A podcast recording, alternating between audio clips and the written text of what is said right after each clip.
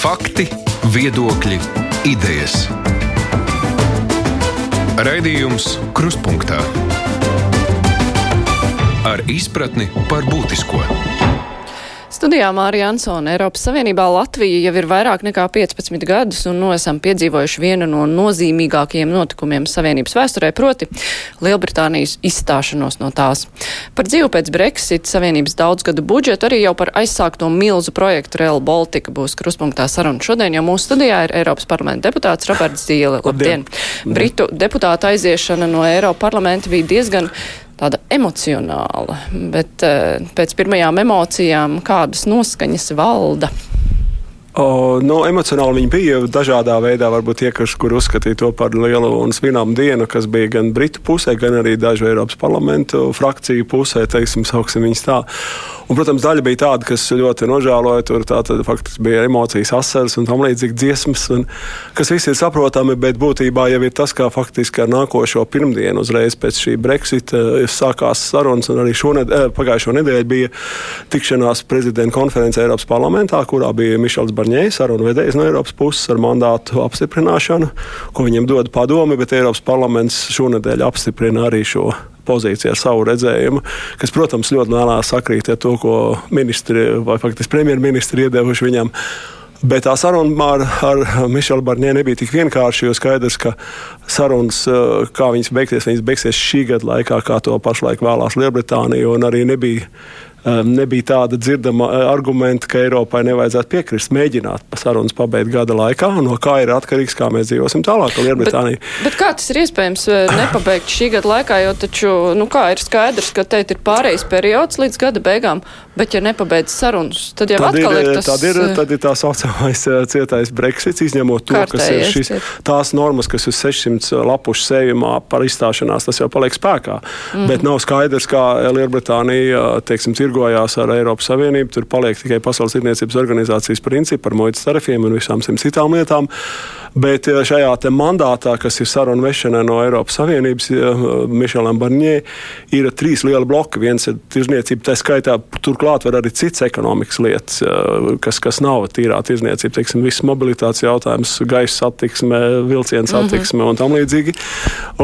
Otra sadaļa, protams, ir aizsardzības drošības lietas iekšējās un arī netiešā veidā ārējās drošības, kas ļoti interesē, manuprāt, Latviju. Jo atcerēsimies to, ka Britu karavīri šeit ir galvenie dislocētie Igaunijā armijā, un skaidrs, ka Britiem ir ļoti spēcīga armija. NATO armija, kurai pie tam ārpolitiski nav rozā brīļu ar, par Kremļa mērķiem, ja? atšķirībā no citām lielvalstīm Eiropā. Un trešais bloks ir institucionālais, kas attiecas uz visām šīm strīdus izšķiršanas lietām un tam līdzīgi.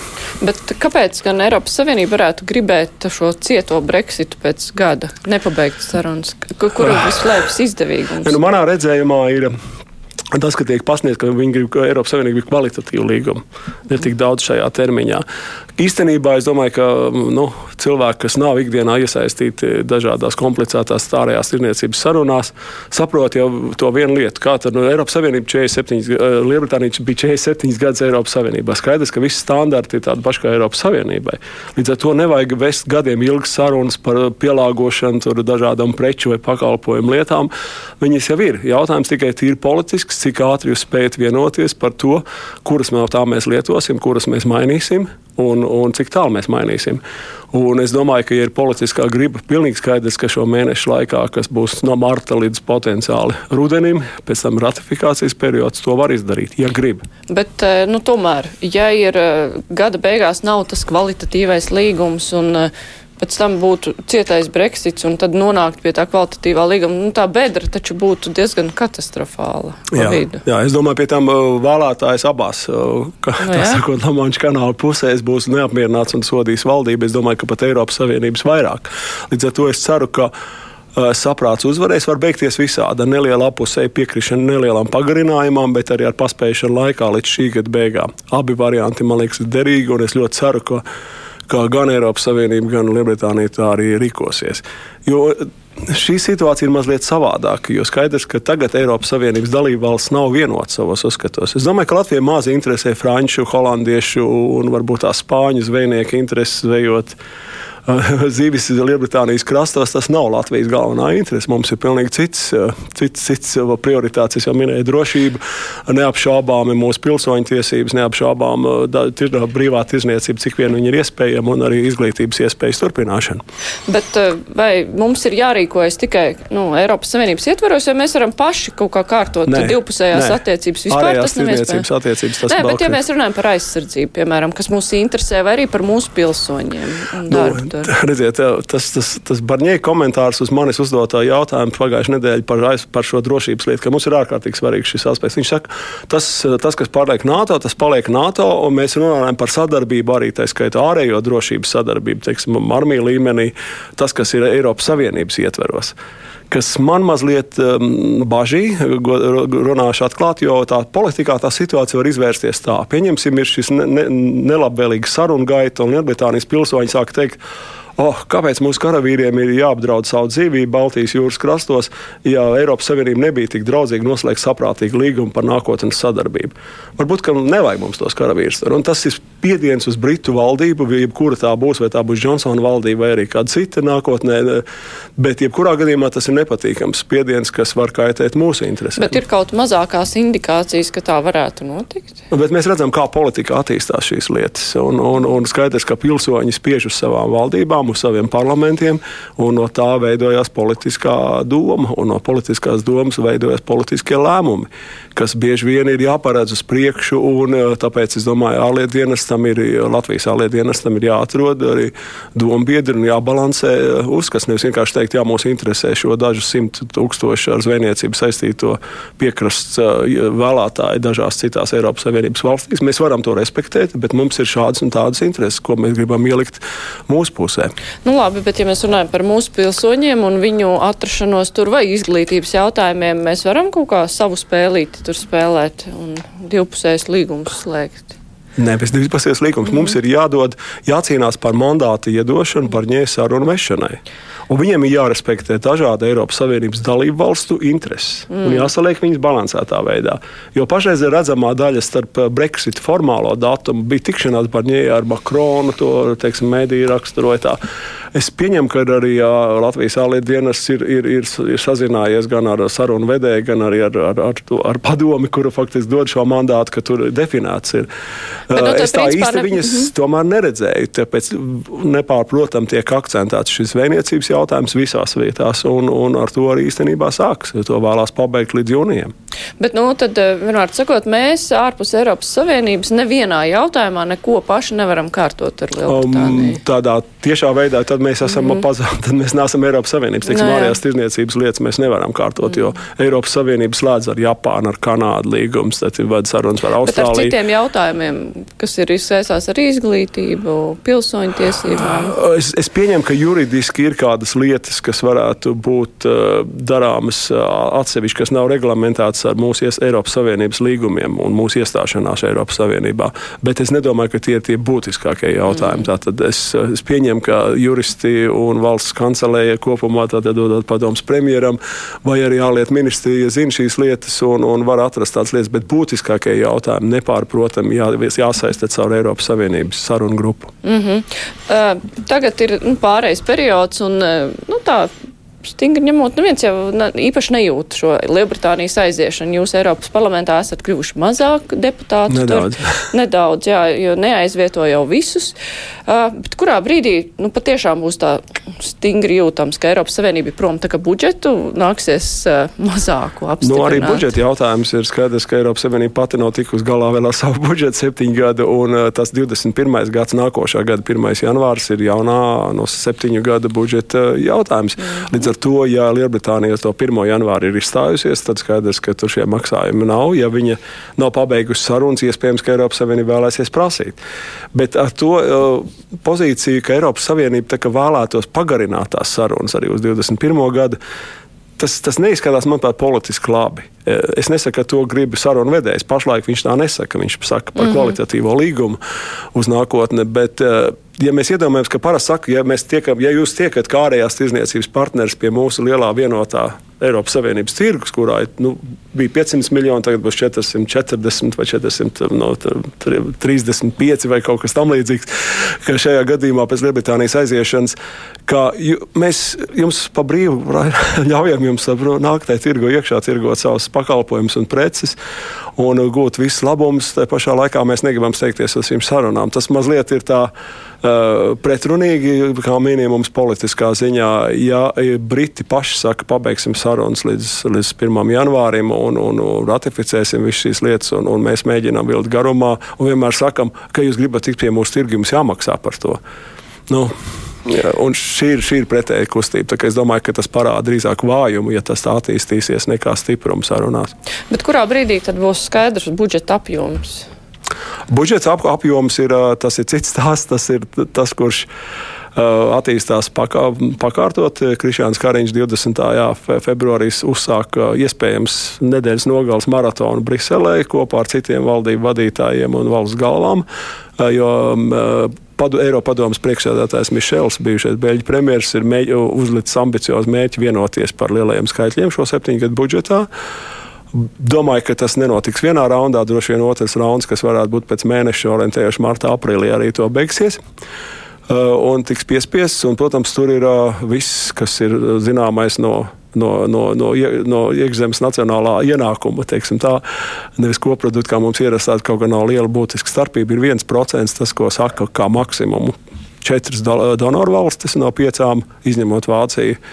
Un, protams, Eiropas parlamenta pozīcija ir 1,3%, tātad 30% vairāk šīs naudas, ko mēs, protams, nesasniegsim. Un Eiropas parlamentam tā juridiskā teikšana par uh, budžetu ir, ir samērā komplicēta saprast. Mēs varam tikai pieņemt vai noraidīt to, ko premjeri būs vienojušies cipariskajā lielajā skaitlī, bet ir par katru sektoru, par naudas iekšējo sadali. Tur gan mūsu teikšana ir līdzvērtīga ar, piemēram, lauksaimniecībā vai kohēzijas politikā, mm -hmm. kā viņi dalās. Un līdz ar to parlaments pašlaik, uh, uh, kur, kurā es arī piedalos šajā kontaktgrupā, ja te varētu teikt, ar, ar padomi no savas frakcijas. Uh, un, um, faktiski mēs mēģinām atrast spiedienu elementus kādā veidā, uh, lai mēs varētu pateikt, ka ja, ja padome paņem ļoti mazu budžetu, tas ir skaitlis būs liels, būs viens triljons mm -hmm. orientējoši, bet tas izklausās daudz. Bet to jūs sarunājat uz septiņiem gadiem, un jūs redzat, ka tad jums nepietiek tām programmām, ko jūs te pašai klimata green, green deal, kā žargonā mm. saka, tātad eh, klimata pakete, ja tā varētu teikt. Tur jau nepietiks naudas kaut ko būtiski izdarīt. Tad parlaments mēģina teikt, ka nevis mēs vienkārši samazināsim savas programmas, kā mēs bijām plānojuši par 30% visiem proporcionāli, bet mēs no dažām atteiksimies vispār. Mm. Piemēram, ja Erasmus programma plus ir palielināta trīskārt, tad iespējams, ja nav naudas, tad nevajag arī nērot cilvēkus un eh, beidzam šo programmu apmēram tā. Es, protams, pārspīlēju šīs lietas, bet tas ir tas instruments, kas ir Eiropas parlamenta rokā attiecībā pret septiņu gadu budžetu.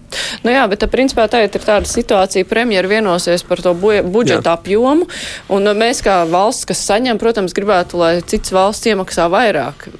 Un tas otrais etaps, kad Eiropas parlaments skatās, tad kam dot izējot no tā, ko tad premjeri ir izlēmuši. Gan, gan. Kurā brīdī mums ir vairāk sabiedrotie, kamēr mēs esam premjeru līmenī vai Eiropas parlamenta līmenī? Ne, es domāju, jācīnās ir uh, šī brīdī par lielāku skaitli, viens komats kaut kādas lielāks skaitlis. Skaidrs, ka ne 1,3, kas nav sasniedzams, tā ir tāda ik, ik, ik septiņas gadus šī spēle notiek, un, un skaidrs, ka tas risinājums ir kaut kur pa vidu. Uh, tajā nākošajā, bet tajā pašā laikā, tajā pašā brīdī ir jābūt sarunām par mūsu interesējošām blokiem. Tas ir lauksaimniecības ar abiem pīlāriem. Tātad gan tiešmaksājuma sadaļa, gan lauka attīstības programma, kurā ir samazinājumi pret iepriekšējo daļu lauka attīstības programmā joprojām, lai arī Somijas prezidentūra viņu palielināja. Un uh, būtisks samazinājums ir kohēzijas fondā. Tas nozīmē, tas, kas mums ļoti, ļoti jā, bet tur ir ļoti daudz politisku argumenti, kādā veidā to panākt. Tur arī tiek mainīti kriteriji. Faktiski tas, tas ja, ja, tā, ja tā Britu tā parasti saka, Brexit radīs šos zaudējumus, tāpēc mums nesenāk kohēzijas fonds. Tā nav taisnība. Tātad Brexita neto ir samazinājums ir 6%. Mums sākotnēji Eiropas komisija piedāvāja minus 13%. Mm -hmm. Tagad pēc Somijas prezidentūras piedāvājuma kritērija izmaiņas mums ir vēl lielāks mīnus pret iepriekšējo periodu. Tas nozīmē, ka nebūs 1,4. 1 eiro, 1 eiro pret 4 eiro. 1 eiro mēs iemaksājam mm. budžetā un 4 saņemam. Tas bija mūsu iepriekšējais periods. Būs teiksim, 1 eiro iemaksājam, mm. 2 vai 2,5 dabūnām apakšiem pie, pie nelaba scenārija.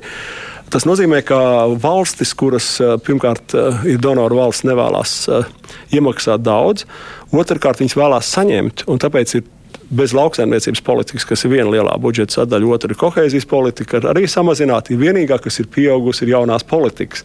Tā saucamās tur viss kopā. Tur ir uh, Horizon programma vai Horizon programma zinātniekiem, pētniekiem, no kur lielākā daļa aiziet Rietumē Eiropas valstīm un pētniecības centriem, jo tur ir brīvā konkurence. Tur nav iezīmētās nacionālās aploksnes, kā piemēram kohēzijas politikā. Un tāpēc, jā, tāpēc tas tiek padarīts kā demokrātisks process, parādījās jauna budžeta pozīcija, piemēram, aizsardzības pētniecības un attīstības izdevumi, kas izskatās labi. Bet, ja mēs paskatāmies, kur ir aizsardzība militārās industrijas pētniecības centri, tas ir Airbus un vēl daži, bet pamatā tā ir Francija, varbūt daži vēl citas valsts. Tas strādā lūk šādi, ka jūs faktiski no cīņas par to, ka jūs negribat maksāt vairāk, nu labi, bet ja mēs beigās iemaksājam tajā budžetā, tad mums vajag dabūt lielāko daļu mm. atpakaļ no šīm programmām. Tad, tad Tur tās Eiropas vērtības tā mazliet tādā klasiskā formā tiek devalvētas, un to es teiksim, redzu savā darbā ik pa brīdim. Un īstenībā ir intereses, nacionālās intereses, jo man kā valsts vadītājiem ir jāpatīk saviem pilsoņiem, kas ir saprotami. Nu jā, bet uh, tagad, ja mēs paskatāmies, tad Brita aizgāja, tur nāca vietā arī deputāti, mazāk gan, bet uh, ir pieaudzis eiroskeptiķu skaits. Uh, nu, viņiem ir ceturtā, uh, ceturtā lielākā frakcija. Nu, bet tas jau tomēr arī atspoguļo, jo eiroskeptiķis kārtīgs droši vien ir tāds, kurš domā par savas valsts interesēm, nevis par visas kopējās valsts. Visa politiskā spektra politiķi, man pieredze Eiropas parlamentā, domā par savu savām interesēm, un arī valdību vadītāji un ministri. Kas ir saprotami, jo skaidrs, ka tā ir Eiropas Savienība dalību valstu un vara veidojās caur vēlēšanām, saimnes vēlēšanām šeit, Latvijā, vai Francijas prezidenta vēlēšanām, vai nu, sagaidāmām teiksim, Vācijas eh, parlamenta vēlēšanām, kas noteiks jauno vadību. Pie tam šodien nav zināms, kas būs CDU Merkels mantiniecis pēc šodienas ziņām. Ir ļoti daudz nezināmie, kas nozīmē, ka nacionālās intereses prevalē. Un budžets īstenībā ir viens no tiem, kas varētu sabalansēt tās Eiropas vērtības. Jo nu, kaut vai kohēzijas politika, tas ir žargons, bet tas ir ekonomisko un sociālo apstākļu izlīdzināšana starp tādām valstīm kā Latvija un tādām valstīm kā Luksemburga, Dānija vai tādām ļoti labklājības pakāpeniski. Bet, ja jūs samazināt šo iespēju, tad jūs faktiski pasakiet jaunai paudzei Latvijai, ka, nāk, ka nākošos septiņus gadus līdz 27. gadam tāda liela attīstība Latvijā nebūs. Ja jūs negribat izniekot savus gadus un brauciet Mm -hmm. strādāt pie mums, attīstīt savu karjeru, un pie tam tā prāta, ne tikai tā vienkāršā darba dalītāja, darītāja, kas varētu būt, bet tieši tā prāta, um, intelekta izglītotie cilvēki, kas ir jauni un ambiciozi. Ja mēs paskatāmies Merkeles interviju Financial Times pirms dažām nedēļām, bija ļoti interesanti, tur dod daudz interesantas lietas, bet viens aspekts viņa saka, demogrāfija ir tā problēma, ko viņi runāja par Vāciju, bet viņi ir visā Eiropā. Un, ja jūs paskatāties iekšējo migrāciju starp Eiropas Savienības valstīm, ne tikai no Baltijas valstīm vai Polijas, bet no Horvātijas un no daudzām citām, tad viņas aizplūst prom. Un Merkel saka, tā, nu, mēs atpaliekam globāli uh, Vācijā tātad, ar uh, digitāliem ekspertiem, nu, ciparu digitalizācijas jomā, ar inženierzinātnes un tam līdzīgi. Viņš saka, ne jau tāpēc, ka mums trūks naudas augstskolām vai kaut ko mēs nevaram izglītot, mums ir demogrāfijas problēma. Tas nozīmē, ka nav tik daudz cilvēku visām šīm kon konkurējošām nozarēm, jaunas paudzes cilvēku, kuri varētu Vāciju pavilkt uz augšu. Jo, teiksim, viņa autorūpniecība ir laba tehniskā ziņā, bet visumā vāja software ziņā un tam līdzīgi. Atpalikusi no, no citiem globāliem centriem. Un skaidrs, ka viņi domā, netiešā veidā viņi pasaka to, kā mēs mēģinam pieaicināt Eiropas Savienības gaišākos prātus arī nākotnē uz Vāciju. Nu jā, to bet, paši dara Makrons Francijā. Bet ja mēs uh, skatāmies, ka Eiropas Savienības arī tajā skaitā lielās valsts kļūst egoistiskākas, kas ir kā nesaskan ar šo te Eiropas Savienības ideju, vai tad uh, nu, tā Eiropas Savienības ideja kļūst tā kā blāvāka, ka mēs mazāk domājam par tad visiem kopā ar gadiem. Ja mēs salīdzinām, kā bija pirms desmit, piemēram, kad bija kaut kāds noteikts atbalsts. Es domāju, ka vienmēr tā Eiropas ideja varbūt viņa bija varbūt tās, kā lai saka, tad, kad mēs stājāmies iekšā, tur bija cits paplašināšanās, bija mērķis padarīt Eiropu globāli lielāku sacensības, tādus elementus, un mēs būsim lielāki tirgi un mēs vairāk varēsim iekarot. Eh, globālajā līmenī varu, tad pašreizajā brīdī, kad nebūtu tā neliekas pēc Brexit, ko mēs jau pieminējām, pēc dažādām citām, pēc tā saucamās multipolārās pasaules ieviešanas, kur Eiropa neredz īstenībā daudzās jomās sev lomu tā nacionālā vilkme kļūst ar vien lielāka. Tā neatspoguļojas tikai caur šām tā saucamajiem populistiem, jo populisms ir visur. Kreisajā flangā, zaļajos, liberāļos, visur ir populisms.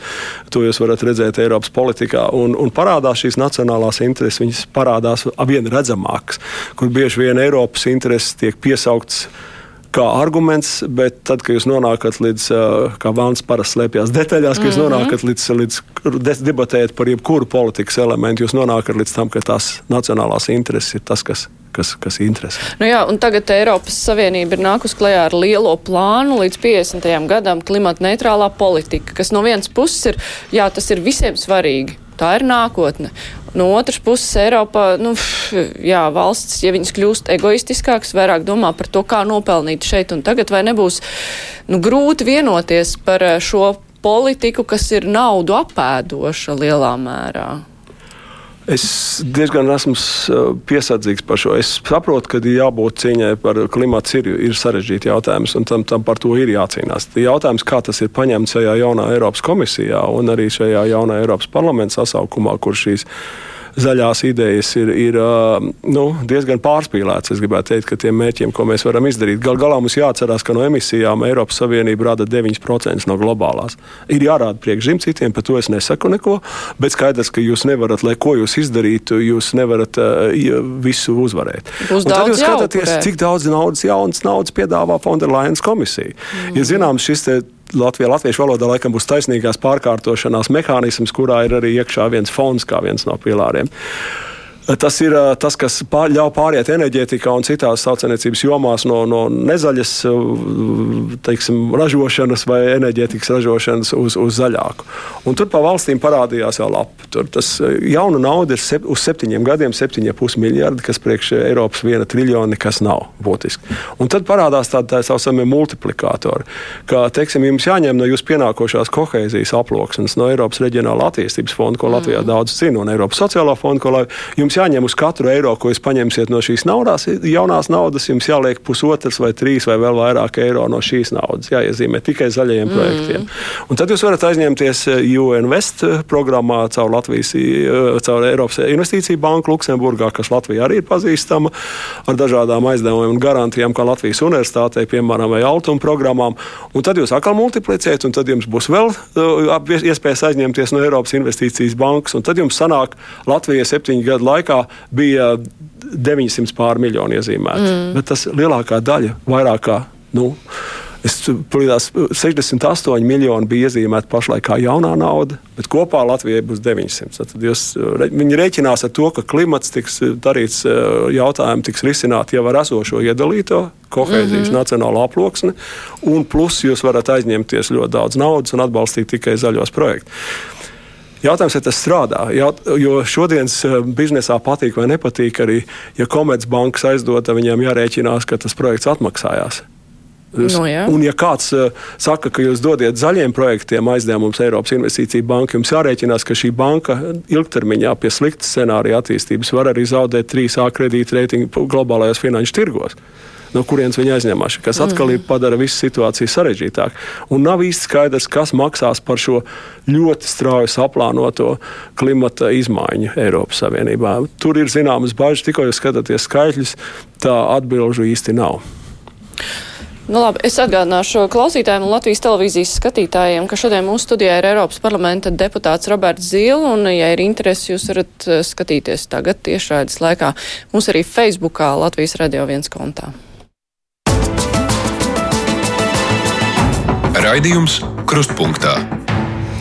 Par naudu, Eiropas naudu runājot. Real Baltica eh, projekts eh, bija pagājušajā, pagājušā gada nodegalē parādījās milzīgās problēmas ar to, kur mēs kavējamies un kādas ir menedžmenta eh, problēmas visā, šī te, visā šajā lielajā organizēšanā. Un toreiz mūs uzklausīja iepriekšējā komisija. Kāds ir jaunās komisijas attieksme gan pret uh, visām šīm problēmām, kuras arī liela daļa nemaz nav izlabotas.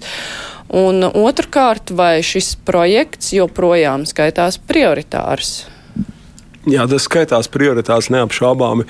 Viens no šiem sešiem prioritāriem projektiem eh, transporta politikā. Uh, es gribu teikt, ka komisija tajā ziņā, Eiropas komisija, tajā ziņā, kā viņa darbojās Real Baltica projekta kontekstā, ir palikusi vecā. Jo ierēģiņa līmenī tas Henriks Hololejs ir Igaunis, ir ģenerāldirektors šim transporta ģenerāla ministrijai, varētu teikt, -huh. lai cilvēkiem saprotamāk.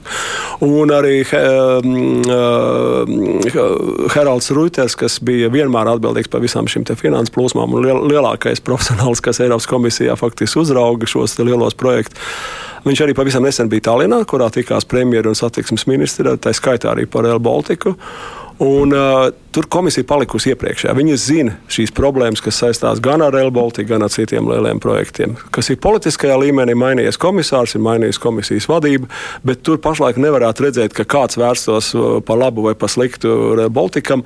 Arī Somijas prezidentūras skaitliskajā ciparā, kas bija piedāvāts, ka savienojot Eiropu no finanšu instrumentiem, skaitā Rail Baltica projektam, samazinājumu nav transporta daļā. Enerģētikā, starp citu, ir ļoti būtisks Somijas priekšlikumā samazinājums šādiem pārobežu projektiem. Mm -hmm. Un, kas slikti ir, ka tika samazināts Somijas prezidentūrā vairāk kā divas reizes tā saucamās duālās lietošanas vai militārās mobilitātes nauda, ko mēs rēķināmies ar Baltiku. Bija 6 miljardi ieskaitīti, un tad palika Somijas prezidentūras laikā 2,5. Es ļoti ceru, ka tas tiks atlikts atpakaļ, tagad 20. februāra tikšanās laikā vai arī mazliet vēlāk, jo tā ir vajadzīga lieta ne tikai ar Baltiku, bet uh, faktiski mūsu drošības jautājumiem ātri uh, tehnikas pārvietošanai eh, vajadzības gadījumās Eiropas Savienojumos, teiksim, austrumu, rietumu vai arī ziemeļdienvidu virzienos. Es, es domāju, ka šīs ir tās sliktās ziņas. Tas, kas attiecas uz visu to garo stāstu, kā smagnējā pārvaldes sistēma, Cik es zinu, premjeri arī vienojās, ka martā būs vēl viena tikšanās tikai par šo pārvaldes sistēmu, jo Eiropas komisijas uzstādījums, šo ierēģi labā nozīmē, uzstādījums bija, ka jums jātiek ar, Baltiku vienotu sistēmu līdz mājām galā. Lēmumiem jābūt pieņemtiem šī gada maijam. Tas -hmm. nozīmē, ja martā trīs Baltijas valstis atgriežas pie šī jautājuma, ir jābūt ātram lēmumam, lai no maija būtu visi lēmumi pieņemti, ka RB Rail, šis kopuzņēmums šeit Rīgā, ir tas, kas vada šos projektus. Visas pārējās ieviešanas institūcijas ir integrētas viņā ar vienu budžetu, vienu padomi. Un, ja tas notiek, tad, protams, projekts iet uz priekšu, un Eiropas komisija finansē šo naudu vēl no šī uh, finanšu perspektīvas. Ir vēl viens konkurss eh, paredzēts uh, Savienot Eiropas finanšu instrumentu gada nogalē, kurā Eiropas komisijas ierēdniecība ir pateikusi, ja jūs to neizdarat, jums nevienā, ne Latvijā, ne Lietuvā, ne Igaunijā naudas nebūs šim projektam. Paga, bet uh, jūs varētu precizēt, ka līdz mājām ir šīs pārvaldes jautājumi jāsakārto, jā, jo mēs esam aizkavējušies. Arī, jā. Viņiem jābūt pieņemtiem.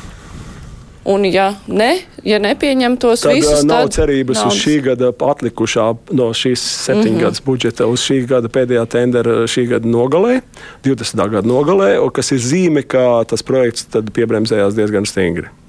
Un ko nozīmē piebremzējās diezgan stingri? Tas nozīmē, ka tas aizkavējās nozīmē, vai varbūt ņemot vērā, ka paralēli notika sarunas par jauno septiņu gadu budžetu, ko mēs runājam. Mm. Tas skaidrs, ka būs zīme vai šis projekts, kas ir viens no sešiem prioritāriem, vai viņš virzīsies vai nevirzīsies, jo ir jau citi konkurenti, kas to varētu gribēt, kuriem arī nebūtu neklājās labi.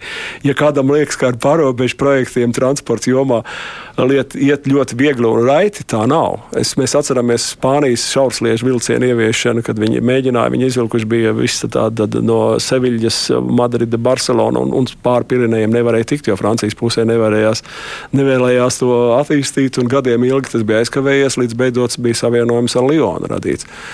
Tātad tas neiet viegli, un, un, un skaidrs, ka situācija nav patīkama, bet es neredzu iemeslus, kāpēc nenovēršot arī šo Lietuvas interešu konfliktu, ko mm -hmm. tas daudz, kur jau šeit ir, ir, ir Baltika pētījumā tik minēts kas un šo pārvaldības institūciju iekļaujot ar vienu budžetu, vienu pārvaldu, vienu padomu, uzraudzības padomi, vienā RB reilā, tas ir izdarāms. Un, tad, cik es zinu, Linkaits ir pateicis, ka Latvijas eh, Eiropas dzelzceļa līnijas, protams, ir gatavs to darīt, un arī pagaidu vadītājs ir no Eiropas dzelzceļa līnijām pašlaik.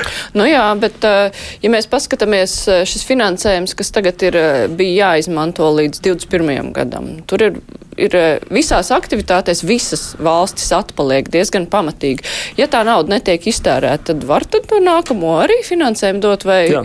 Jā, jā var dot. Tad, tad, tad šis būs, ja nemaldos, piektais no šī savienojot Eiropas finanšu instrumentu uzsaukums šī gada mm -hmm. nogalē tiks uzvarētāji. Noteikti uzvarētāji var būt tikai tie, kas ievieš šos lielos projektus atbilstošiem. Nu, tāda sarežģītā mm -hmm. situācija. Līdz ar to es domāju, ka tas tā viss var notikt. Un, un katram šim te tenderētajam projektam, kas saistīts ar Rail Baltica, ir sava laika grafika, savas izmantošanas iespējas. Tas nav, nenozīmē to, ka jūs neiegūstat uh, nākošo, kamēr nesat izmantojuši iepriekš, mm. jo viņiem katram savu dimensiju. Nu jā, bet cik ilgi mēs varam vispār aizkavēties, jo ir kaut kādas pozīcijas, kur kavējums ir jau pusotrs gads vai vairāk. Jā, tā ir, tā ir. Un cik ilgi tad um, mums ļaus kavēties? Ne, nu, ko nozīmē neļaus? Skaidrs, ka mm, uh, Eiropas Savienībai arī vajadzētu, Eiropas komisijai, tā skaitā, viņi vēlās šādu veidu projektu kā Rail Baltica pabeigt. Kāpēc? Tāpēc, ka normāli parādās, jūs izveidojat šo savienot Eiropas finanšu instrumentu, tas bija, nu jau būs otrais cikls, tas ir divreiz uh, septiņi gadi, tātad, nu, faktiski no 14. gada tas ir strādā. Ja mēs sarēķinām, ka līdz 27. gadam, kas ir vēlreiz 4, 7 gadi kopā 14 gadu laikā, teiksim, politiskā līmenī var parādīties jautājums. Nu, izveidojam šo fondu lieliem pārobežu transporta projektiem, Rail Baltica un citiem, un neviens neko nav uztaisījis.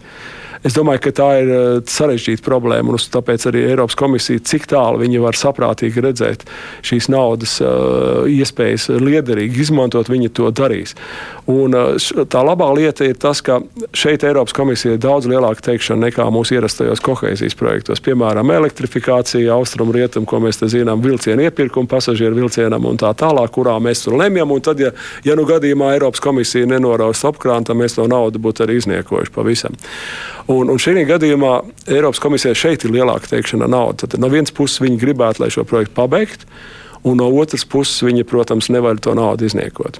Bet uh, par pabeigt par spīti visiem sadārdzinājumiem, kas parādīsies, jo nu, jau visur ir sadārdzinājumi. Sadārdzinājumi skaidrs, ka tas ir visos projektos, jo tas cikls ir ļoti garš tik lieliem projektiem, un skaidrs, ka pētījumi, kas uz kuru pamata tiek izdarīti iepriekš, viņi mainās atkarībā no tirgus konjunktūra, un pat budžetā, starp citu, septiņu gadu vienmēr ir tā sakot, tā gada cenās tas izteikts tas cipars, kas mainīsies septiņu gadu laikā, skaidrs, ka viņš būs pilnīgi savādāks un lielāks lielāks. Bet tad eh, Visos, Eiropas komisija eh, finansēs par spīti visam, jo mēs nē, pat nezinām, cik nē, Latvijas teritorijā tas ir. Šīs prasības, ko es minēju par Jā. vienotu uzraudzību, tur ir arī par duālo līniju no, no polijas robežas līdz Kaunijai un apvadu ceļam arī pieprasījums un lietuvieši esot piekrituši tai līnijai, ka pašlaik tur ir vienas sliedas, kas nedara ar Baltikam. Mm. Tajā izbūvētajā šaursliežu variantā 14,35 mm eh, platumā, kas ir šaurāks nekā mums ierastās. Un viņiem jābūvē ir otra līnija, tad viņi veido šo dizainu dizaina projektu šim papildus lietam, šim mm. papildus jau esošajam, kas ir ar ātrumu 120 km/h, jau vajag no 240 km/h un vajag dubultās sliedes, atsevišķi duālas, mm. lai divu virzienu vilcienu var iet un tam līdzīgas lietas. Tagad viņi prasīs, Eiropas komisija prasīs šīs lietas, un uh, uz tā pamata es tomēr ceru, ka politiskā līmenī, gan Igaunijā, gan Latvijā, gan Lietuvā, pateikt, ka jebkuram transporta ministram vai jebkuram premjeram, ka mēs te tā kaut kādu iekšējo procedūru iepirkumu dēļ un nevienā vienoties pārkārtot šo pārvaldības principu, ka mēs zaudējam šī naudas iespēju. Tā naudas iespēja nenozīmē, ka viņi tiek apgūta tādā sliktā no tā. Ir, protams, mm. viens no tautsēmniecības. Uh, veicināšanas elementiem, kas katrā ziņā iekustina ekonomiku. Un mums tāda mēroga projekta nav bijis un nebūs. Līdz ar to, lai ko mēs tur izcīnītu lauksaimniecības programmās vai kohēzijas, tas būs krietni mazāk nekā tas, ko mēs dabūnam īstenojot Rail Baltica savā tautsēmniecībā. Mm.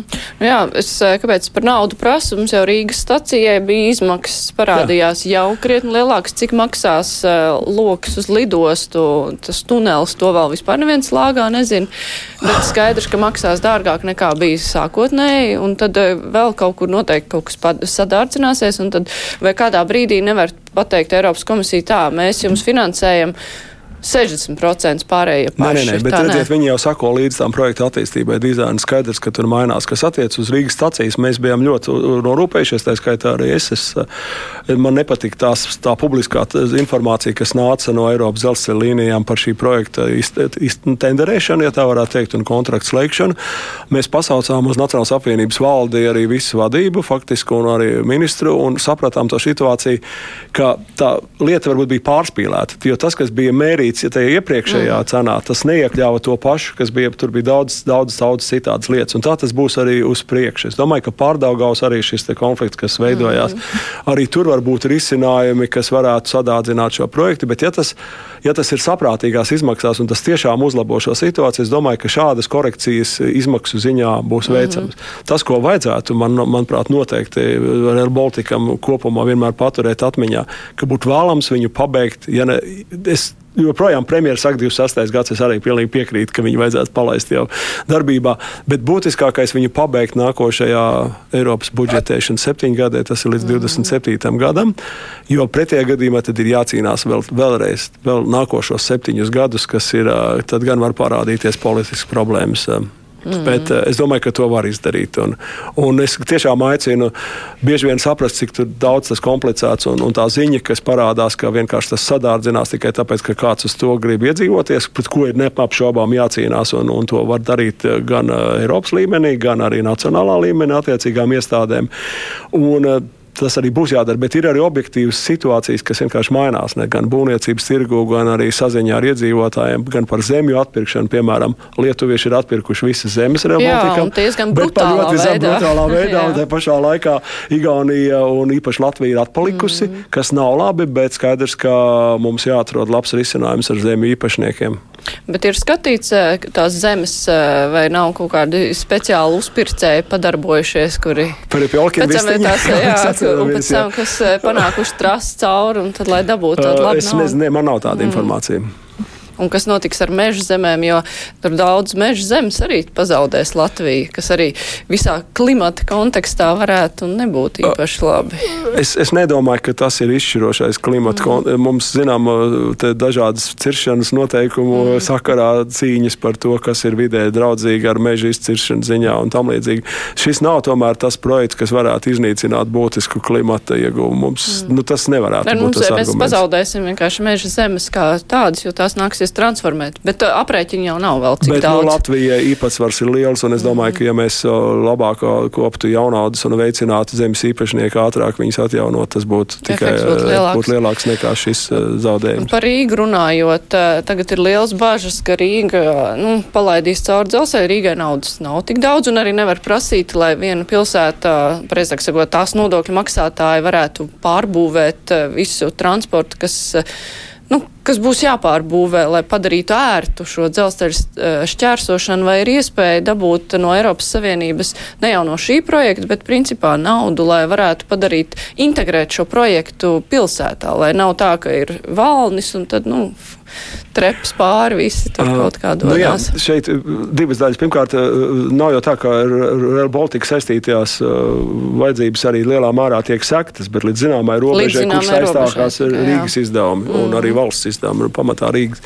Tad, par urbānās mobilitātes projektu bija ar Eiropas Investīciju bankas garantija iegūts līgums iepriekšējā Rīgas domas vadībā Ušako mm. laikā par 200 miljoniem eiro. Tā skaitā mm. tur bija gan pārdaugavas puses saistībā ar Toņkanu, ar Latvijas universitātes teiksim, izbūves uh, piekļuvēm un vairākas citas. Uh, tur bija ceturtās uh, tramvaja līnijas rekonstrukcija, ūdeņraža ritekļu uzpildes acī. Mm -hmm. Tātad šādi projekti bija pieteikti. Viņi bija divi. Viens bija saistīts Jā. ar Rīgas satiksmi, arī 200 miljonu apmērā, no kura 75 miljoni tika galvoti no Luksemburgā esošās valstu veidotās Eiropas investīcija bankas. Mm -hmm. Un otrs bija urbānās mobilitātes šis projekts, kurā Rīgas doma bija tā saucamais privātais investors. Kas ar viņiem ir noticis, es īsti nezinu. -hmm. Es par to esmu rakstījis. Eh, tajā laikā, kad bija visi šie skandāli ap to, ka Rīgas satiksme faktiski jau saņēma šādas projekts tikai tāpēc, ka viņai Rīgas doma noslēdza līdz 2030. gadam eh, no nosacījums, ka viņi visu laiku dotēs attiecīgajā mm -hmm. līmenī, kas bija pamats Eiropas investīciju bankai faktiski eh, kvalificēt šo šādu veidu projektu. Kas ar šiem diviem projektiem,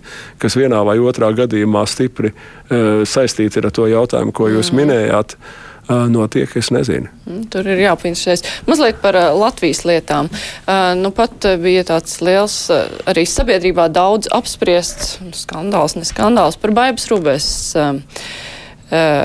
izvēlēšanos Stradiņas slimnīcas valdē. Viņš šodien atsauca savu kandidatūru. Ažiotāža bija ļoti liela, bet runājot par politiķiem un nepolitiķiem un cilvēki, kas ir saistīti ar partijām, atrašanos kaut kādos amatos. Kā jums šķiet? Nu, no vienas puses cilvēki tiek aicināti stājieties partijā, neiesiet vienkārši neapmierināti ar notiekošo valstī, dariet paši. Un no otras puses ir sašutums, ja kāda partijas cilvēks nonāk kaut kādā amatā. Kā to formulēt? Kas īsti ir politiķis, kas nav politiķis? Kur, kurš varētu, kā jūs vispār raugāties uz šo situāciju? Es, es, nu, manā, mēs bijām septiņas gadus ministrs, tā skaitā ar ministrs, kurš ar cēla dažādas pārstāvus, kā finanšu ministrs vai satiksmes ministrs, dažādās padomēs. Tas, protams, bija labi laika atpakaļ. Un tajā laikā arī man bija konflikti, ar, jo tad bija tā, ka koalīcija veidojās, vienmēr bija koalīcijas valdības, un arī bija saraksti no cilvēkiem, kuri neapšaubām bija politiķi vai politikas saistīti cilvēki, kurus aicināja koalīcijas partneri ielikt. Man ir bijuši konflikti, kad es neliku kādu no šiem cilvēkiem, bet ne tāpēc, ka mm -hmm. viņi nav mhm. politiķi, bet tāpēc, ka viņiem nav attiecīgās prasmes un izglītības. Mm -hmm. Un tur bija tāda konflikta līdz, nu, līdz demisijai neaizgāja tādas situācijas, bet katrā ziņā bija sarežģīts. Eiropas praksē ir ārkārtīgi dažādi es gribētu teikt, to es zinu no saviem kolēģiem Eiropas parlamentā. Piemēram, Kīs Ferkovs, tas liberāļu ilgadējais līderis, viņš bija deviņas gadus Brita, Beļģijas premjers. Viņš joprojām Eiropas parlamentā ir lielas komercbankas padomas priekšsēdētājs, vai varbūt nav priekšsēdētājs, bet loceklis mm -hmm. joprojām. Bija skandāls arī ar Francijas komisāru kandidātu par to, ka viņi arī saņēma savienojot savus politiskos darbus ar padomus faktiski Rietumē Eiropas kultūrās. Es šodienas demokratiskais kultūrās ļoti daudz politiķu atrodas dažādos uh, ar valsts saistītās mm institūcijās un arī privātās institūcijās. Mēs varam teikt, ka tas ir labi vai slikti, bet skaidrs, ka tas tā ir. Un arī teiksim, uh, Francijas likumdošana atļauj politiskai partijai aizņemties no trešo valstu bankas naudu, mm no Krievijas, piemēram, bankas Francijā. Tas ir legāli. To neviens ne Francijā, ne Makrons netaisās šo likumu mainīt. Vai arī tāds kā Gerhards Šrēders, kurš bija Vācijas kanclers, kurš atbilstoši Latvijas likumiem būtu notiesāts. Jo mēnesis pēc tam, kad viņš parakstīja ar Gazprom līgumu, viņš aizgāja strādāt pie šī uzņēmuma. Tātad mēs, mums, faktiski mums ir jāsaprot, ka Eiropā šīs tradīcijas ir dažādas. Man personīgais viedoklis, ka mēs pārspīlējam pašlaik ar situāciju, un tā saruna aizgāja, ka to starp citu daudz ir, ir veicinājuši arī tie, kuri pašlaik cieš no šīs politiskās domas par to, ka politiķis nedrīkst būt nevienā padomē mm -hmm. vai kaut kur citur, kā tas ir bijis šajā gadījumā ar Rubes kundzi. Mm -hmm. Un es domāju, ka ja mēs visi saprastu, ka ministrs pārvaldot šos savus kapitāla sabiedrības politiskā ziņā pārvaldot, un valsts sekretārs ir tas, kas faktiski tur šīs kapitāla daļas, un ja mēs atgriežamies pie padomu principu, es domāju, ka un jūs nevarat novilkt tik precīzi, kurā brīdī ir politiķis. Nevajag mocīties ar tām definīcijām, ko sociālos tīklos ir. Faktiski vajadzētu atrast zināmu kompromisu. Ministrs gal galā atbild par šī uzņēmuma rezultātiem un skandāliem par jebko, kas notiks. Vai tā ir slimnīca, vai tas ir uh, Latvijas energo. Un, un skaidrs, ka viņam nevajadzētu ļaut cita lieta, kad jums parādās cilvēki, kas strādā privātā biznesā vienlaicīgi. Mm un, un, un ir aizdoms, ka viņiem nebūs pielaides vai kaut kas tamlīdzīgs, tad tas ir savādāk. Tas pat nav jautājums, ka tas ir politiķis, tas ir ar politiku saistīts cilvēks, kas varbūt ir nevēlami. Mm -hmm. Tāpēc es, es aicinātu atrast zināmu kopsaucēju, un koalīcija jāatrod tāds, un tad no tā jāmēģina uzrunāt sabiedrību, vai šis koncepts ir pareizs, un mēs atbildam par šo rezultātu tajās sabiedrībās. Jo pretējā gadījumā nu, sākt vēl definēt un uzdot knābam skatīties, vai šis konkrētais ieceltais loceklis padomas vai valdes ir, ir politiķis vai nav, tas būtu briesmīgi. Vai Brūbēs ir vairāk jūsu acīs politiķa vai profesionāla? Skaidrs, ka viņa ir politiķa, viņa, mm -hmm. bet viņai bijusi ļoti liela profesionāla karjera dažādās nozarēs, ko viņa strādājusi. To nevar noliegt. Tas, ir bija reāli, viņa bija veiksmīga, kā jums šķiet? Uh, es, es, es zinu, cik mums bija sarežģīti šajā Real Baltica draugu grupā bieži vien nomierināt šos sarūgušās attiecības. Es domāju, ka viņi darīja daudz pareizas lietas. Jautājums, ka, ja ir tik liels konflikts, tad, tad kaut kas vienmēr parādās tā, ka situācija, ka viena pagala nedeg. Uh, ka lietas var eh, vadītājs varbūt tās darīt savādāk, ja ir tik liels konflikts. Bet tur bija ļoti daudz šķēršļu viņai neapšaubāmi tajā virzienā, kas gāja šo centralizāciju, par ko mēs runājam pirms Erbija Reila pārvaldībā. Tas bija tas kurs, kas arī tagad turpinās, tā, to viņi darīja pareizi. Bet eh, nu, šis ir tas brīdis, kad jūs mēģināt iekļūt partijas sarakstā, jūs kļūstat par biedru, jūs startējat vēlēšanās, jūs netiekat ie, bet jums vēlme ir strādāt un darboties, kas un jūsu zināšanas, protams, ir.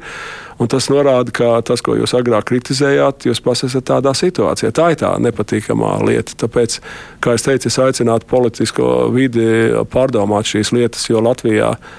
No otras puses, mēs gribētu, lai profesionāli cilvēki būtu tuvumā arī politikai, tiem, kuriem ir izdevies savu profesionālo karjeru veidot, kas viņus atbaida šādā situācijā.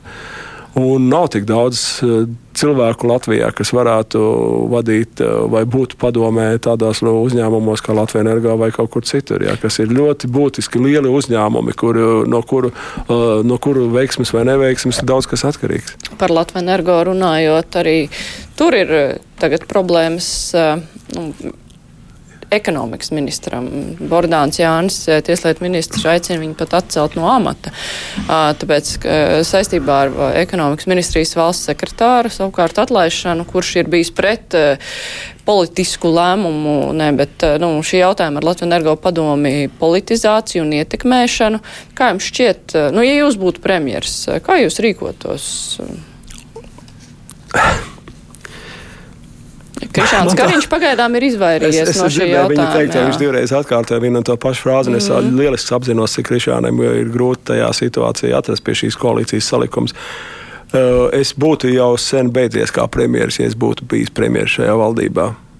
Jūs nespējat to izturēt? Es nespēju. Es neesmu mm. tik, tik, tik, tik, tik kompromiss cilvēks, kā, kā tas ir Krišāns. Visu cieņu viņam un lai viņam veicās un vienmēr centīsimies no partijas puses viņu balstīta. Un, uh, bet šī situācija, kas uh, nozīmē, ka, kā jau minēju, ka cilvēki, kas ir saistīti ar profesionālā biznesa un aizdomas par interesēm, un ja viņiem visdrīzākais arī nebūs pielaidis jautājumos, šāda veida uzņēmumiem nevar būt. Tas nav jautājums par politiķu. Jo advokāts nav politiķis šajā gadījumā, bet, bet tā, tā sasaiste ir acīm redzama un šajā gadījumā nu, tas nevar tā būt. Un, un, un, un, un šī, šī, šāda veida uzņēmumiem ir jārada apstākļi, kad uh, viņu padomē atrodas cilvēki, kuriem ir uh, reputācija, kura nerada aizdomas par uh, interešu konfliktiem.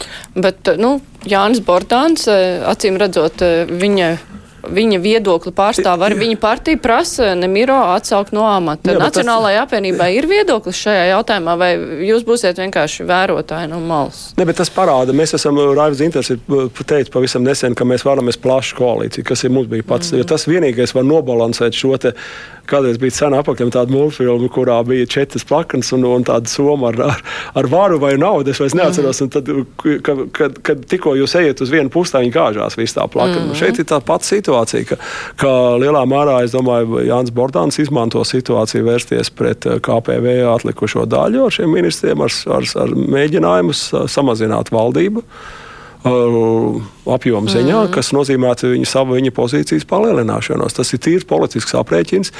Es saku, es neatbalstu šo, te, šo te situāciju, kāda veidojās ar Latvijas energo padomu, bet šajā gadījumā no, ministra noņemšana ir vienkārši mēģinājums sašaurināt valdību, palielinot savu ietekmi tajā, nebūdams pats par premjeru ne, ne, nekļūdams. Tas nozīmē, ka Nemiro būtu jāpaliek savā vietā, bet eh, kaut kā viņš ir jāpiedabū, lai Latvijas energo padomē netiktu ielikti cilvēki, kuriem tur nevajadzētu atrasties. Jā, un kā to izdarīt? Es Aha. nevaru dot padomu, tāpēc, ka šis, kā es teicu, nav, tas ir pārāk uh, sarežģīts koalīcijas jautājums, kas īstenībā ir šīs plaknes izkustināšanas kas man šķiet, uh, nu, tas, tas nerada, diemžēl, spēku valdībai. Uh, tāpēc arī tas ir. ir nu, Mēs vienmēr esam par stabilitāti, kas arī, protams, ir svarīgs elements. Jautājums, cik daudz mēs varam upurēt iespējas iet ātrāk ar lēmumiem uz priekšu, kas ir koalīcijā vienmēr nevienkārši, bet, bet ne tik, tik, uh, tik, un sabiedrībā vienmēr radīt uzmanību pamatā uz šiem jautājumiem, kas īstenībā ir svarīgi, bet tie nav paši svarīgākie, kas, kas, kas būtu jārisina. Un tas atņem enerģiju valdības daudzām ilgtermiņa, ilgstošām koalīcijas sēdēm un visam kam citam saskaņošanai, kur premjeras varētu un ministri darīt daudz, daudz, daudz ko citu, kas nav tas svarīgākais, ko. ko nu jā, cīnāt. bet Nacionāla apvienība arī bieži vien pārmet, ka tā aktualizē kaut kādus jautājumus, kas labi izklausās, bet varbūt nav pirmā prioritāte nu, par nacionāliem kaut kādiem nu, jautājumiem. Bet, un tad daudz tiek kults ūdens, bet eh, rezultāts ir tāds. Nosacīts. Nu, iespējams, ka gadās arī tā, bet mēs esam tikuši tomēr valodas skolā izglītības. Mm. Tas bija ļoti gadu gariem ilgs nu, process. Nu, tas ir gājis un nu, tas mm. ir aizgājis līdz kaut kādam rezultātam. Es nesaku, ka visas iniciatīvas ir rezultējušās, bet daudz no tām ir. Jo Nu, es, eh, skaidrs, ka politikā ideoloģija ir viena no partiju ar atšķirīgām zīmēm. Un, ja partija neattīsta ideoloģiju, tad viņa kļūst eh, neredzama. Un skaidrs, ka ideoloģija prasa viņu uzturēt mazliet vienmēr karstu šo jautājumu. Vienā brīdī, visā, visur, vienā visur brīdī Telsmē un brīvība LNK, kad vēl bija saurupa, mazliet viņa tā kā no tā gāja projām. Tas bija nu, 2000. gadu sākumā, un pēc tam atkal atgriezās. Jo... Bet mēs palikām ļoti vāji. Jā. Mēs, mēs zinām, cik es biju arī partijas vadītājs tā zemē brīvība LNK kādu laiku, un tā situācija tajā beig, beigu periodā bija ļoti slikta. Mēs vairs nevarējām arī uzrunāt vēlētāju, Mums neticēja daudz iemeslu dēļ, gan visādi skandālu dēļ un tam līdzīgas lietas. Mums vienkārši nebija arī tā emocionālā lādiņa, kas pēc tam apvienojoties ar visu Latviju un izveidojot Nacionālo apvienību, šis parādījās. Es arī atzīstu, ka tajā brīdī tā emocionālā puse vairs neuzrunāja vēlētājus kas bija problēma. Mēs bijām profesionāli zinošāki, daudzas rētas rūdījumus dabūjuši, un daži bija sasprāguši uz politiskām mīnām, tā ka vairs nevarēja turpināt politisko karjeru no tēvzemiešu aprindām. Un skaidrs, ka tā apvienošanās deva zināmu uzrāvienu. Un, un tas ir jautājums, kad jūs, kā jūs attīstat tālāk šo Bet arī mainīja partijas seju diezgan lielā mērā, jo tāda pazīstama politiķa Jānis Straume, kas aizgāja tā kā nu, tu kā uz saskaņas pusi gandrīz vai mm, Emīls Jakrins. savu politisko karjeru, var teikt, ar to. Uh, Jā, tādu. bet tajā pašā laikā t, t, uz to brīdi arī pazuda kaut kādi cilvēki, kas kādreiz bija partijas seja. Un, uh, tas nozīmē, ne, nu, ka partija iegūst tas, ko es saku, rētas mīnus sprāks un mm. tam līdzīgi. Un daži spiesti beigt savu politisko karjeru, jo viņu politiskā vilkme, kā uzrunāt sabiedrību, ir tuvu nulē tajā brīdī. Mm. Un tad jūs neko nevarat izdarīt. Tas nav viegli vienmēr atrast kaut kādu, tomēr, pirmkārt, lai tev tic, otrkārt, lai tu vari dot arī vēlētājiem kaut kādu virzienu, ko tu vēlējies izdarīt ar, ar, šo, ar šīm lietām. Un, Un tā pašā laikā Latvijas koalīcijas sarežģītajā situācijā mums jārespektē tās situācijas, kādas viņas ir, līdz kaut kādam zināmam līmenim, jo, ja vairs nevar ciest tos kompromisus, tad labāk viņus neturpināt. Mums ir gandrīz tik minūte vien palikusi. Jūs minējāt pirms tam, ka jūs būtu Krišāna Kariņa vietā, jūs jau sen būtu prom no šīs valdības vadīšanas, un ir pārāk. Ne, man būtu nometuši, no, man būtu nometuši. Bet uh, jūs esat vienmēr kandidāts un nekad uh, neveidojat valdību, nemēģināt. Es nekad neesmu uzvarējis vēlēšanas. Ja es būtu uzvarējis vēlēšanas vai vismaz iegūmis no latviskām partijām lielāko rezultātu, es būtu veidojis valdību. Mēs redzējām, ko izdarīja pirmie trīs kandidāti viens pēc nedēļas pateica, ka viņš nevar izveidot, jo skaidrs, ka tu uzvelc tādas līnijas, kuras, ka arī tu nemaz negribi to veidot, tad arī tā ir otrs, eh, nu, varbūt tās atsevišķs gadījums, bet arī ar, ar viņa programmu tādu valdību nevar izveidot. Un trešais vispār pazuda, jo viņš bija pārāk ass tajās nedēļās, kamēr veidojāt brīvību. Jā, bet Krišāns Kariņš arī neuzvarēja vēlēšanas. Jā, bet, bet... Viņiem, eh, viņš uzņēmās šo lietu, visu cieņu mm. viņam, kā es teicu, bet jāatcerās, kas ir vienotība. Vienotības saknes jūs redzat šodienas koalīcijā par apmēram 30 un vairāk deputātiem. Nacionāla mm. apvienība ir tik, cik viņi ir. Un tie ir ļoti mazs skaitlis. Jo vienotība, ja mēs paskatāmies par attīstības, par visi ministri ir nesenie vienotības biedri. Ja mēs mhm. paskatāmies saites arī ar to, kādā veidā, tad, kad uh, nu, Jānis Bordāns pēc izslēgšanas no tēvzem brīvības LNK viņu Salvita Aboltiņa turēja līdz termiņa beigām kā tieslietu ministri. Tad vienotība uzņēmās par viņu atbildību, un tad viņš veidoja savu partiju. Tā, tās saknes ir savādākas, un es neesmu greizsirdīgs, es tieši otrādi vēlu Krišānam izturēt un vienmēr tomēr uh, mēģināt izdarīt, cik viņš spēj šī sarežģītā situācijā Latvijai labu. Mm -hmm. nu, es savukārt saku jums paldies. Paldies par sarunu. Mūsu studijā šodien bija Eiropas parlamenta deputāts Roberts Zīle. Rīt kruspunktā arī būs saruna par tādiem Eiropas jautājumiem ar Eiropas saistītiem. Mēs runāsim par tiešmaksājumiem, par ierosinājumu samazināt tiešmaksājumu apjomu. Tad Latvijā, kam tas būtu izdevīgi, kam neizdevīgi. Kruspunktā izskan raidījumu producēja Junām. Studijā bija Mārija Ansona. Vislab! Fakti, viedokļi, idejas. Raidījums Krustpunktā ar izpratni par būtisko.